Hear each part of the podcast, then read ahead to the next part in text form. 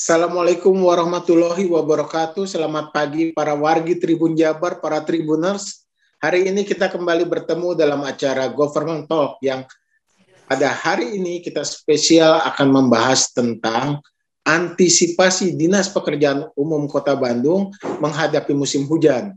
Yang sebagaimana kita ketahui, kalau udah musim hujan itu namanya Kota Bandung banyak sekali pertama banjir Cilencang, kedua selokan mampet, atau bahkan terjadi air membeludak ke mana-mana dan kita tahu itu sangat mengganggu dan uh, apa ya membuat ketidaknyamanan bagi publik. Nah, hari ini kita akan membahas tentang bagaimana antisipasi Dinas Pekerjaan Umum Kota Bandung untuk menghadapi musim hujan di Kota Bandung ini yang kemungkinan datang dalam waktu dekat. Kita ketahui kalau di pinggir Kota Bandung atau di sekitar Kota Bandung hujan sudah mulai lebat, tapi mungkin di Kota Bandung belum selebat yang ada di daerah lain di Jawa Barat atau mungkin di pinggiran Kota Bandung. Maka kita hari ini bersama Pak Yul Zulkarnain, Kepala Dinas Sumber Daya Air Dinas Pekerjaan Umum Kota Bandung. Selamat pagi Pak Yul. Selamat pagi Kang. Assalamualaikum warahmatullahi wabarakatuh. Waalaikumsalam. Sehat Pak? Ini sehat? Alhamdulillah. Ya, Pak Yul, ini kita ngobrol-ngobrol santai nih Pak Yul nih. Nah, ini tentang musim hujan ya. Kalau mungkin di pinggiran kota Bandung mah hujannya sudah rada lebat, apalagi kalau dilihat di daerah lain di luar kota uh, apa kota Bandung, daerah lain di Jawa ya. Barat malah kan ada yang sudah banjir atau bahkan terancam longsor. Nah, ya. di kota Bandung sendiri mudah-mudahan kita tidak ya. Ya, mudah-mudahan amin. Nah, bagaimana Pak di kota Bandung sendiri ini yang walaupun hujannya masih belum gede lah sebelum ngabret tapi uh, kita antisipasinya bagaimana Pak ini dinas pekerjaan umum? Ya, terima kasih Kang. Assalamualaikum warahmatullahi wabarakatuh. Uh, dalam menghadapi uh, musim hujan di tahun ini, uh, kami Dinas Pekerjaan Umum Kota Bandung sudah berupaya untuk melakukan antisipasi, Kang.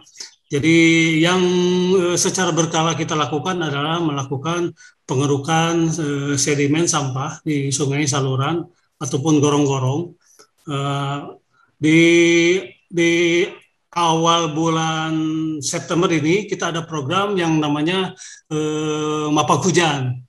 Nah itu serentak serentak kita teman-teman dari UPT dengan mengerahkan tenaga PHL-nya itu melakukan pengerukan di titik-titik yang menjadi langganan banjir.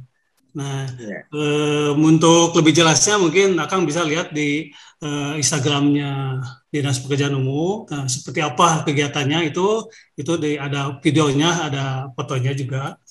Uh, kemudian di awal tahun 2021 kita melakukan perbaikan TPT yang ambrol, di mana apabila TPT ambrol itu pasti akan menimbulkan banjir ke, ke lingkungan sekitarnya. Ada ratusan titik yang sudah kita kerjakan, kan. Nah, kemudian juga eh, pembuatan drum pori di daerah Genangan itu terus kita lakukan.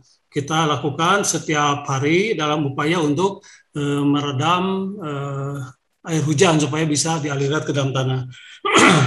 kemudian tahun ini juga kita ada kegiatan pembangunan kolam retensi untuk parkir air yang dibangun di Jalan Bima kan di, di bantaran Sungai Citepus sehingga eh, itu untuk menahan air yang mengalir ke kawasan Pagarsi. Nah, hmm. Ya, berharap air hujan yang datang melalui Sungai Citepus akan dialirkan atau diparkir dulu barang beberapa jam di kolam retensi tersebut untuk kemudian kita alirkan secara perlahan ke daerah hilirnya. Nah, kemudian juga kita ada kegiatan penanaman pohon pelindung di bantaran sungai. Itu dalam upaya untuk menahan sedimen, juga melindungi TPT TPT kita. Nah, selain itu juga kita ada eh, tim siaga banjir. Itu kita piket 24 jam kan, tenaga-tenaga eh, dari eh, apa PU. Kemudian juga kita persiapkan untuk peralatannya, mobile pump, pompa terapung dan lain sebagainya itu salah satu eh, apa upaya kita dalam eh, menghadapi musim hujan. Iya. Kalau TPT itu maaf Pak, singkatan dari apa Pak? Tanggul penahan tanah atau kirmir Tanggul, istilahnya. Oh, tanggul okirmir ya, tanah. Nah kalau drum pori itu sendiri Pak bisa dijelaskan itu apa Pak? Drum pori yang Bapak ya. akan bikin? Ya, jadi drum pori itu adalah eh, salah satu konstruksi untuk menahan eh, untuk mengalirkan air air permukaan akibat dari luapan hujan ke dalam tanah dengan menggunakan drum. Kita hmm. punya uh, stok drum yang banyak, sisa dari uh, aspal. Nah, drum oh. aspal itu kita tanam, kemudian kita jadikan sumber resapan. Tuh. Itu di lokasinya di daerah mana aja Pak itu? Yang... Lokasinya tersebar Kang. Tersebar. Kita ada enam wilayah uh, UPT, UPT-OP itu di setiap wilayah UP, UPT-OP kita lakukan pe, apa, pembuatan uh, drone pori. Biasanya itu hasil survei kita untuk penempatan titiknya ataupun usulan dari kecamatan, kelurahan atau dari RW setempat. Oh. Berarti uh, dari RT atau atau dari RW setempat bisa mengajukan bisa uh, bisa bisa ya jika bisa bisa. Nah, kalau titik yang paling istilahnya dalam tanda kutip berbahaya ini saat ini uh, di mana Pak dalam menghadapi musim hujan ini yang di Kota ya. Bandung? Uh, ini update sampai dengan tanggal 30 Juni 2021 itu ada 10 titik yang menjadi uh, kawasan rawan banjir. Pertama yeah. di Jalan Cibaduyut, batas kota itu di di bawah oh, yeah. terowongan tol. Oh. Itu uh, rutin di sana apabila hujan besar airnya meluap dan menggenangi uh, terowongan tersebut. Itu ada 16 kejadian. Kemudian di Kopo Citarip itu akibat dari luapan air Sungai Citarip. Itu ada 13 kejadian, Kang. Kemudian di terusan Pasir Koja di Simpang Soekarno Hatta Pasir Koja Soekarno Hatta eh, itu ada luapan saluran dari Jalan Cibuntu Selatan. Itu ada 10 kejadian di sana. Nah, kemudian Jalan Soekarno Hatta, Simpang Gede Bage, luapan sungai dari eh, Jalan Rumah Sakit. Itu ada enam hmm. kejadian.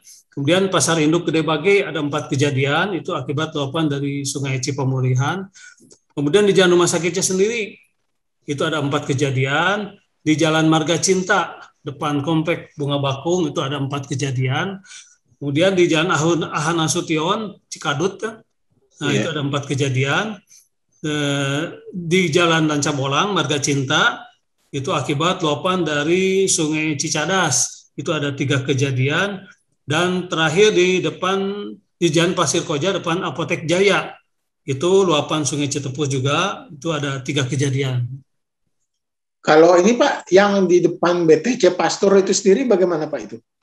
Nah, Pastor yang betul. sampai tenggelam lah istilahnya itu. Ya, ya, ya.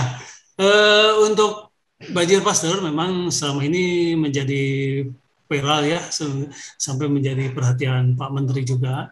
E, kita sudah berkoordinasi dengan P2JN, Kementerian PUPR, untuk pengelola jalan nasional, e, karena Pastor itu masuknya di e, kewenangannya di Kementerian PUPR.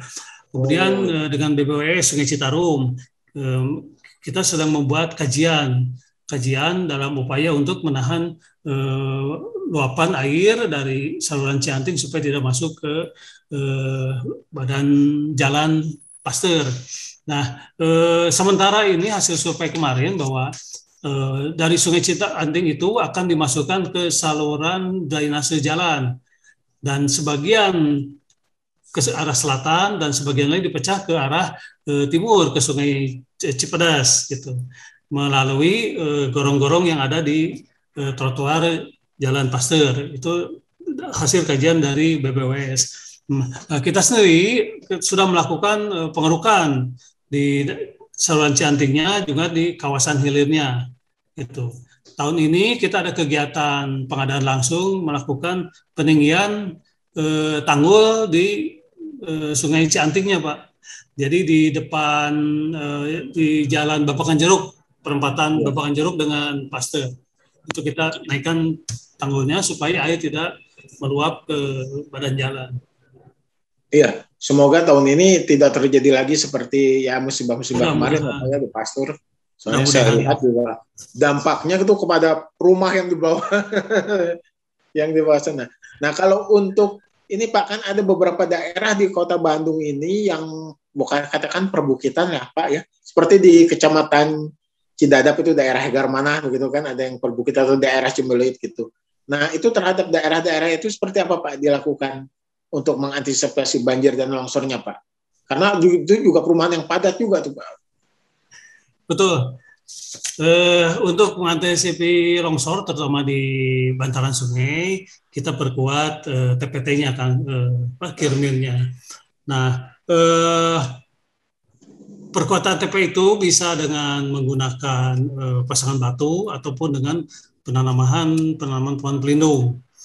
Nah sedangkan untuk uh, menahan luapan dari air hujan sendiri kita bangun beberapa eh, Dumpori di sana. Dumpori, kemudian juga eh, kita melakukan yang rutin itu pengerukan sedimen supaya eh, airnya eh, bisa lancar mengalir ke kawasan hilir. Ya. Kemudian Pak terkait dengan masalah uh, banjir atau ini, uh, bagaimana dengan pelibatan masyarakat dulu? Kadang-kadang uh, kami di RT atau RW suka apa kerja bakti masal begitu Pak. Nah ini apakah ada lagi gerak apa istilahnya gerakan gitu yang melibatkan masyarakat dalam kerja uh, itu menghadapi musim hujan ini Pak?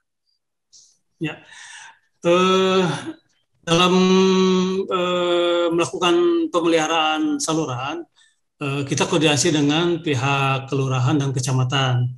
Nah, pihak kelurahan kecamatan yang menghimbau setiap RT RW untuk sama-sama melakukan eh, apa istilahnya kerja bakti lah kan. Nah, hmm. eh, sedangkan untuk pekerjaannya berat pekerjaan yang beratnya sendiri itu memang dikerjakan oleh kami dari PU. Kita menggunakan peralatan yang ada, kemudian juga menggunakan eh, alat angkut yang kita punyai itu biasanya yang koordinasi dengan pihak kecamatan, eh, pihak RTW itu dari kewilayahan, oh, dari kecamatan ataupun dari kelurahan gitu. Karena mereka juga punya eh, tim sendiri, tim gober gitu, yang bisa iya, digerakkan ya, setiap saat. Betul, betul. Itu kolaborasi dengan kami eh, WRC di Dinas Pekerjaan Umum. Iya.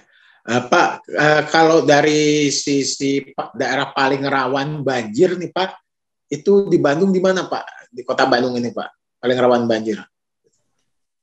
Uh, ini update per tanggal 30 Juni ada uh, semua titik uh, rawan banjir. Yang paling rawan sekali adalah uh, Cibaduyut batas kota itu uh, memang rutin di sana apabila hujan besar pastilah rendam itu per, per tanggal 30 Juni 2021 itu ada 16 kejadian, berarti paling sering di sana. Ya, Kemudian berarti... perempatan, ya, perempatan Gede Bage, pasar Gede Bage dengan eh, Soekarno Hatta itu juga rawan. Kalau terjadi banjir biasanya macet sampai ke mana-mana. Kemudian di depan eh, Ahana Nasution depan Cikadut itu juga sama luapan air dari Jalan Cikadut masuk ke Ahana Sution dan menggenang di sana depan pom bensin. Itu juga macetnya bisa uh, panjang gitu. Dan, itu berarti tiga daerah itu ya Pak ya, paling rawan oh, tiga daerah tersebut. Nah kalau uh, ada satu lagi mungkin di di ini Kang di daerah Rancabolang, Marga Cinta. Oh, daerah bawah situ ya. hmm, ya. Betul depan pesantren, pesantren itu rutin Kang. Karena pada saat hujan besar, saya Sungai Citadasnya tinggi, dari sungai Ranca Bolangnya nggak bisa masuk, ketahan. Tapi kalau sungai Cisadane sudah mulai surut, baru dari saluran Ranca Bolang bisa lancar gitu. Kalau koordinasi dengan provinsi Pak kan katanya kan akan dibangun apa tol air itu bagaimana kan sekarang uh, apa uh, perkembangannya? Tol, tol air kalau tidak salah tidak ada Kang ya kalau di sana. Jadi uh, yang saya yang yang biasa kita uh, lakukan koordinasi adalah dengan BPWS. Kalau provinsi mereka tidak punya program di Kota Bandung untuk eh, terutama penanganan banjir, mereka baru membuat kajian untuk uh, groundwater uh, groundwater treatment dengan rain water harvesting untuk menyalurkan air ke dalam tanah. Tapi masih berupa kajian.